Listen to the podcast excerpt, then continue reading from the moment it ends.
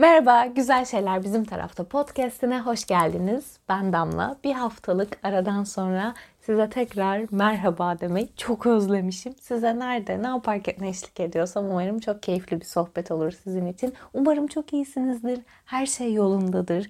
Yemek yerken, yürüyüş yaparken, temizlik yaparken, araba kullanırken, uykuya hazırlanırken, duştayken, her nerede dinliyorsanız lütfen bana söyleyin böyle şeylerden. Çok keyif alıyorum. Çok özledim aslında bölüm kaydetmeyi ama geçen hafta biraz mental olarak kendimi iyi hissetmedikçe eski dostum erteleme hastalığına tutunup bu bölüm çekme işini ertelemeye başladım. Bugün hastasın, bugün yorgunsun, bugün enerjin yok, bu bölüm mü, bu konu mu, şu mu, bu mu derken beynimin bir yerinde sürekli kendime eziyet eden bölüm çekmen lazım fikrine direnip bir hafta bölüm çekmedim. Aslında çok da iyi hissetmediğimi şuradan da anlatabilirim size. Ben ne zaman kendimi biraz depresyona girmeye yakın hissetsem, mental olarak zorlansam, hayatta bazı şeylerde kendimi yetersiz hissetsem, ilişkilerimde değersiz hissetsem Antalya'ya gelmek istiyorum. Burası benim ailemin yaşadığı yer. Ana ocağım, baba kucağım burası. Çünkü burası benim için güvenli alan yetişkin olmam gerekmiyor. Ergen gibiyim. Yemek ye, çalış, odana gir, uyu, gez, toz, yürü, market düşünme, fatura düşünme. Hayatın o bütün yorucu kısmından beni arındıran bir yer. Buraya geldim ve buraya geldikten sonra evet enerjim birazcık daha artmaya başladı. Bölüm fikri zaten bu konu zihnimde uzun zamandır vardı. Yani bir hafta 10 gündür bu konu dönüyor zihnimde. Çünkü bu konuşacağımız konu üzerinden hayatta varlığımızı tanımlıyoruz. Bugün etiketlerden konuşacağız. Hayatın bize verdiği etiketlerden, sen kimsin sorusundan konuşacağız. Biraz şöyle bir yerden tanımlamak istiyorum aslında etiketler konusunu. Hayatımızı kolaylaştıran bir şey etiketler. Çünkü çamaşır suyu, un, havlu, ilaç, zehir, oje, su, silah, kitap, ayakkabı, aklınıza gelen her şeyin üstünde ne olduğu yazıyor. Evet artık ayakkabının üstünde ayakkabı yazmıyor ama kutusunda yazıyor. Her şeyin bir etiketi var ve hatta çoğunun üstünde bir içindekiler ibaresi var. Bunu barındırmayan, üzerinde ne olduğunu ve içinde neler olduğunu barındırmayan tek şey canlılar. Buradan biraz yola çıktım. Birazcık da fantastik bir dünya kurdum zihnimde. Yani mesela alnınızda bir etiket yazacak olsaydı ne yazmalıydı? Adınız mı, mesleğiniz mi, aileniz, soy isminiz, dininiz? Tek bir şey yazacak. Yani mesela insan yazsa alnınızda yeterli mi? Kadın yeterli mi? Damla yeterli mi? O kadar geniş bir kapsam ki bu. Mesela içindekiler yazacak olsanız hangisinden ne kadar bulunmalı? Eski bir kimya mühendisi olarak söyleyeyim. İçindekiler her zaman içinde maksimum en fazla bulunan orandan en az bulunan orana göre yazılır. Mesela sizin ilk üç maddeniz ne? Evet %70'imiz sudan yapılı ama sadece su mu sizi tanımlayan şey? Etiniz kemiğiniz mi sizi tanımlayan şey? Sizi var eden şey? Bu fantastik fikir üzerine biraz düşünmeye başladım. Mesela beni en iyi tanımlayacak şeylerden biri sevdiklerim ve sevmediklerim. Tahammül edebildiklerim, edemediklerim. Mesela yavaşlıktan hiç keyif almadığım, hatta nefret ettiğim bence önemli bir kişilik özelliğim. Ama bunu nereye koymam gerekiyor? Onu kestiremiyorum. Ee, kadın olmak kesinlikle benim için önemli bir etiket. Ama ne kadar önemli? Bu etiketler, sıfatlar, isterseniz sıfat deyin, isterseniz etiket deyin. Çünkü sıfat da bambaşka bir şey aslında. TDK'ya sorduğumuzda bile başka bir şey. Te- sıfatlar nasıl olduğunu tanımlar. Kadın ama nasıl bir kadın? İnsan ama nasıl bir insan? Mesela ben yıllarca kendimi şişman, damladı şişman, damladı çirkin diye tanımlıyorum sanıyordum. Ay konuşamadım öyle tanımlıyordum ya da insanlar beni öyle tanımlıyor sanıyordum. Bu haftanın konusu etiketlerimiz. Bizi tanımlayan etiketler, kendimizi anlatırken kullandığımız etiketler. Mesela meslekler de etiketlerimiz. Bu yüzden bence yüzde sekseni avukatların merhaba ben Ayşe avukatım. Merhaba ben Ahmet avukatım. Ceza avukatıyım. Bilmem ne avukatıyım diyor ya da doktorlar. Bunlar sevdiğimiz, seçtiğimiz ve üzerine keyifle emek verdiğimiz şeyler olduğunda keyifle paylaştığımız etiketler. Hep sevilir ya kendini üç kelimede tanıt soruları. Bu yüzden seviyoruz. Hadi kendini etiketle, kendini sıfatla, kendini nasıl olduğunu sen tanımla diye. Bir de tabii ki sosyal medya ile hayatımıza giren hashtagler var. Hashtag huzur, hashtag mutluluk, hashtag kocacım, hashtag şükür. Hep anları, insanları, durumları da etiketlemek. Yani onun altına ne hissettiğinizi siz yazıyorsunuz. Fotoğraftaki yetmeyebilir mutluyum, huzurluyum, peace, işte günün fotoğrafı, şu bu. Çünkü insanlar bir şeyleri artık birbirlerine ifade etmek ve tanımlamak üzerine kurulu dünyada. Etiketler büyük ölçekte bakıldığında hayatımızı kolaylaştırıyor aslında. Mesela onlar sayesinde bir masayı her seferinde ayaklar veya bir destek üzerine oturtulmuş tablodan oluşan mobilya diye açıklamak zorunda kalmıyoruz. Hatta yapılan bilimsel araştırmalar da etiketlerin iletişimimizi kolaylaştırdığını ortaya koyuyor. Tamam etiketler aslında kullanışlı, aslında işimize yarıyor. Çamaşır suyunu, unu, zehiri, ojeyi, yemeği, mercimeği, pamuğu, aklınıza gelebilecek her şeyi tanımlamamıza sebep oluyorsa, bu işimize yarıyorsa sorun nerede? Sorun etiketler insanlar için kullanılmaya başladığı zaman oluyor. Çünkü ne kadar cisimleri bir kelimeyle, iki kelimeyle, üç kelimeyle anlatmak mümkün olsa da bu insanlar için asla mümkün değil. Ve ne yazık ki etiketler insanlar için kullanılmaya başlandığında birer yafta olmaya başlıyor. Ve yaftalamak çok tehlikeli bir şey. Çok korkutucu bir şey. İnsan gerek günlük yaşantısındaki pratiklerde, gerek zihinsel aktivitelerinde kategorize etmeye meyillidir. Bunun sebebi soyut veya somut her şeyi en basite indirgeyip anlamlandırma isteğidir. Çünkü yani hepimiz bir şeyi zihnimizde böyle kutucuklara yerleştirmeyi seviyoruz.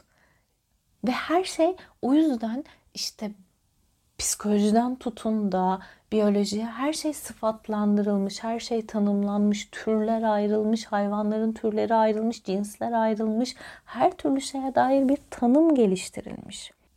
Bununla ilgili yapılmış ilginç araştırmalar, ilginç tespitler var. Mesela çok ilginç tespitlerden biri Birinci Dünya Savaşı sırasında bir Amerikalı psikoloğun yaptığı bir araştırma. Komutanların üstün asker diye tanımladığı çok iyi, çok efsane, mükemmel diye tanımladığı askerlerin hepsinin ne tesadüftür ki sağlam yapılı ve yakışıklı olduğu tespit edilmiş ve bunların gerçekte var olsun ya da olmasın fedakarlık, liderlik gibi olumlu özelliklerinin olduğunu düşünüyormuş komutanları.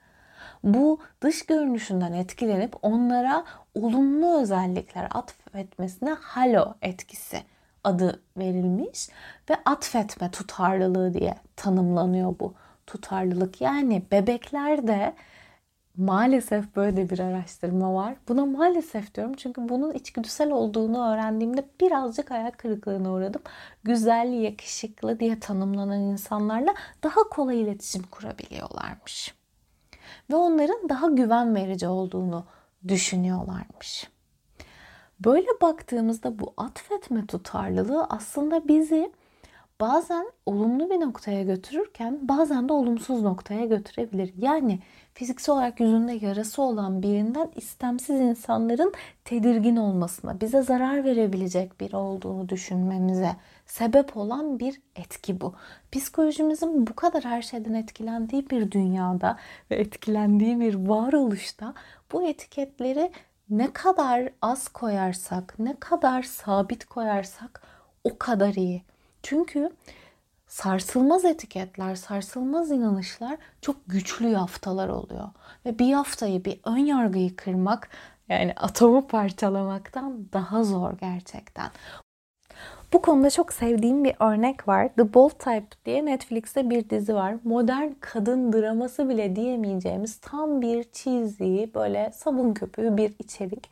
Bir dergide çalışan üç genç kadının başlarına gelenler, hayatla karşılaştıkları şeyleri anlatıyor bir e, eşcinsel, biseksüel başrolümüz var Kate. Bir kadından etkileniyor. Kadınla flört ediyor.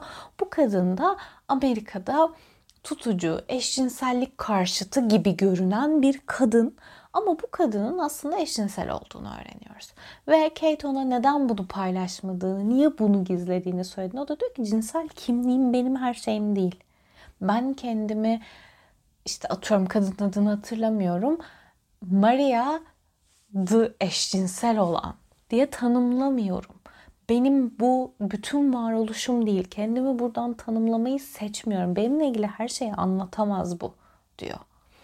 Bu bana çok şey düşündürttü. Çünkü e, bir heteroseksüelin sürekli cinsel kimliğinden bahsetmesi ne kadar gereksizse bir e, eşcinselin, biseksüelin, transın da gereksiz. Ama maalesef gerekli. Gereksiz gerekli derken belki yanlış tanımlar kullanıyorum ama varoluşlarını etrafa gösterme zorunluluğu hissetmesi insanların bir şeylerin doğru bir şeylerin yanlış diye tanımlanmasından. Bazen hatta bence bu sadece cinsel yönelimle ilgili de değil yanlış olarak tanımlanan her şeyde göze sokmaya sebep oluyor. Sürekli ben buyum, buradayım, buradayım, böyleyim diye ısrarla göze sokmaya sebep oluyor. Bir şeylerin kategorize edilip doğru ve yanlışların tanımlanıyor olması. Buradan yola çıkarak bedenimiz üzerine de düşünmeye başladım. Sürekli bir şeyleri şişman, güzel, ideal, yakışıklı, bakımlı, bakımsız, sağlıklı saç, sağlıklı vücut, olması gereken tırnak yapısı, parlak saç diye sürekli bir şeyleri etiketliyoruz. Evet bu reklam sektörünün, kapitalizmin bize getirdiği ve sürekli var olamayacak, gerçek olamayacak bir güzelliğin peşinden koşmamıza sebep olan bir gerçeklik ama bir yandan da bedenimizle bizim ilişkimizi de bozuyor. Mesela kendimden örnek vereyim daha önce de söylediğim gibi ben kendimi yıllarca biri benden bahsederken damladı şişman olan diye konuşuyor. O her şey o şişman kız diye bahsettiğini sandım. Halbuki mesela insanlar beni genelde komik olan, işte uzun saçlı olan, elleri küçük olan, işte çok akıllı olan filan diye tanımlıyormuş. Kendimize iyi özellikleri atfetmek de o kadar zor ki. Bunu başka bir bölümde iltifat üzerinden, güzellik kavramı üzerinden konuşuruz ama kendi bedenimizi nasıl etiketlediğimiz bedenimizle, beslenmeyle ve hayatla ilişkimizi inanılmaz değiştiriyor. Dolayısıyla bütün bu var olan etiketlerden arınmaya başladığımızda bence zihinsel olarak beslenme bozukluklarımız, psikolojik olarak yaşadığımız birçok şey de hafifleyecek zaten. Bunların her birine bakarken bir yandan da bazı kimlikleri, bazı etiketleri doğuştan aldığımızı fark ettim. Örneğin Türk olmak, Yahudi olmak, Alman olmak, İngiliz olmak bunlar etiketler. Evet bunlar gerçeklikler ve değiştiremediğimiz gerçeklikler. Bunların üzerinden de toplumun inanılmaz derecede yerleşik bir düzeni oluyor. Netflix'te yayınlanan kulüp dizisini hepiniz ya da çoğunuz izlemiştir. Orada Türkiye'de Yahudi olmak üzerine bir konu anlatılıyor. Bu gerçeklik anlatılıyor. Ama o gerçekliğin içerisinde aslında o kadar çok başka etiketler de işin içine giriyor ki. Yani bir Yahudi kadın olmak, erkek olmak, bir eşcinsel olmak, bambaşka kimlikler ve birçoğu seçmediğimiz, üzerine emek harcamadığımız, sadece doğduğumuz aile sebebiyle ya da varoluşumuz olması sebebiyle bize koyulmuş sıfatlar. Ve bu sıfatlar sebebiyle bazen devlet ama genelde toplum bizi sürekli yargılıyor. Sürekli. Bu sürekli yargılamanın içine insanlar da artık kendilerine yeni etiketler koyarak belli bir sınıfa, belli bir zümreye ait olmaya çalışıyor. Buradan çok linç yiyeceğimi bilerek söylüyorum. Bazen beslenme alışkanlıkları da genel olarak bakıldığında bir etikete dönüşüyor. Yani veganlık ve vejeteryanlık günümüzde bir etiket olarak kullanılmaya başladı.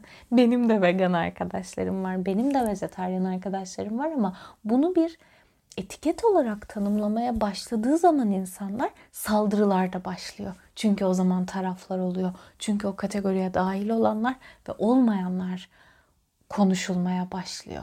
Etiketlere sahip olmak güzel. Mesela bunların hiç çıkamayacak etiketler olduğunu, üzerimize yapışan şeyler olduğunu düşünmediğimizde bence üzerine de emek verilen atıyorum ben kendimle ilgili sevdiğim etiketlerden bahsedeyim. Entelektüel biri olmak, çok kitap okuyan, yazabilen, konuşması keyifli olan, sohbeti etkilidir, damla eğlencelidir. Mesela bunlar sıfat gibi görünüyor olabilir. Oyuncu olmak benim için çok güzel bir etiket. Sanatçı olmak çok sevdiğim etiketlerden biri. Çünkü ben bunlar için emek verdim ve bunları seçtim. Ama mesela Antalyalı olmak, Türkiye'de genel olarak Antalyalı olmak iyi ya da kötü tanımlanmaz ama hepimizin doğduğu yer sebebiyle insanlarla ilgili fikirlerimiz var. Mesela ben çok karşılaşırım. Sivaslıyım ben. İstanbul'un bilmem ne kadarı Sivaslıdır. Sivaslılar birbirini sever falan. Abi hiç görmedim hayatımda Uşaklıyım ben diye övünen. Ya da toplumsal normlarla çok uyuşmayan birinin Konyalı olup bunu sürekli söylemesini. Ya hiç seçmediğiniz bir şey bir anda sizi tanımlayan bir şey olabilir. Ve bunu gerçekten ne kadar sahiplendiğimiz o kadar önemli bir şey belirliyor ki. Hiç tanımadığınız birine sadece Sivaslı diye torpil geçmenize sebep oluyorsa ya ne kadar mantıklı. Sivas'tan kötü adam çıkmaz. Niye çıkmasın? Antalya'dan bilmem ne çıkmaz. Niye çıkmasın? Ya da oranın adamı hep öyledir. Niye hepsi öyle olsun? Mümkün mü bu? Bütün çaylar lezzetlidir. Hayır. Bütün köpekler beyazdır. Hayır. Bütün köpekler siyahtır. Hayır. Hiçbir genelleme doğru olmadığı için her şeyi bir başlık olarak, bir kategori olarak koymaya çalışmak çok zor ve bu bizi çok yoruyor. Ben de zaten bu yorgunluğumdan yola çıktım. Bu etiketlere bu kadar takılma sebebim kendimi etiketlediğimi fark etmemle başladı. Kendime ne kadar az iyi etiket koyduğumu, ne kadar kötü etiket koyduğumu fark ettim. Mesela ben çok cömert biriyimdir ama bunu tanımlamadığımı fark ettim. Ama çok çabuk sinirlenebilen biriyimdir. Bunu hep söyledim. Ben çabuk sinirlenirim. Benim sinirim kötüdür. Kendi hayatlarımıza baktığımız zaman üzerimize yapıştırılan etiketlerin ne kadar etkilediğini yine yaşamlarımızdan görebiliriz aslında. İster dış dünya yapmış olsun bunu isterseniz siz yapmış olun. Etiketleme üzerinden bize biçilmiş değerlerle yaşıyoruz biz. Etiketlerin çoğunun farkında bile değiliz. Kurgusal benliklerimizi dizayn eden tuğlalar gibi bunlar. Yani böyle bazen istemeden bazen isteyerek elde edilmiş bizim dışımızda bizi var eden bir takım varoluş hamleleri bunlar. Hele bir de yani insanların gözlerinin içine bakarak sizi tarif etmelerini bekleyecek, onların etiketlerine muhtaç olacak biriyseniz ve bunu belli ediyorsanız hayat sizin için çok zor oluyor. Çünkü sürekli hakkınızda duyduğunuz şeylerle kendinizi yargılıyorsunuz ve o gerçek olsun ya da olmasın oraya varmaya çalışıyorsunuz. Çok akıllı olduğunuz söylendiğinde çok akıllı olmaya, ya da çok bir şey olduğunu söylendiğinde o olmaya ya da o olmamaya çalışıyoruz. Kendi kim olduğunu aramak, kim olduğunu bulmak, bunun gibi bir sürecin altına girmekten bizi koruyor aslında bir yerde. Sen busun diye sırtınıza yapıştırılan etiketi alıyorsunuz. Oh sonsuza kadar onunla gidiyorsunuz. Bu zihnen çok daha kolay ama çok yorucu baktığında. Bunun farkına vardığın anda bunu aydınlandığın anda zaten değiştirmek zorunda kalıyorsun. Bunun üzerine yine bir araştırmadan, bir bilim çalışmasından daha bahsedeceğim. Bilim adamları acımasızdır. Başta bunu söyleyeyim. Öğrenciler varmış ellerinde aynı yaşta benzer yaşam şartlarına hemen hemen aynı ders notlarına sahip bir grup öğrenci. Bu öğrencileri iki gruba ayırıyorlar. İlk gruba siz çok akıllısınız, diğer çocuklardan farklısınız, istisnasınız. Bu yüzden de başarı için çok bir şey yapmanıza gerek yok. Yani sınava hazırlanma sürecinde size destek olacağız. Azıcık takviyeyle siz kesin çok başarılı olacaksınız üniversite sınavında deniyor. Diğer gruba da yani diğer grup asla diğerlerinden zeka ve yaş ortalaması olarak daha geride olmamalarına, daha farklı olmamalarına rağmen siz diğer gruptan bir tık aşağıdasınız. Size daha fazla zaman ayıracağız ama yapacak çok fazla bir şey yok. Onlar sizden daha akıllı ama biz çabalayacağız deniliyor. Bunun sonunda tabii ki tahmin edilen oluyor.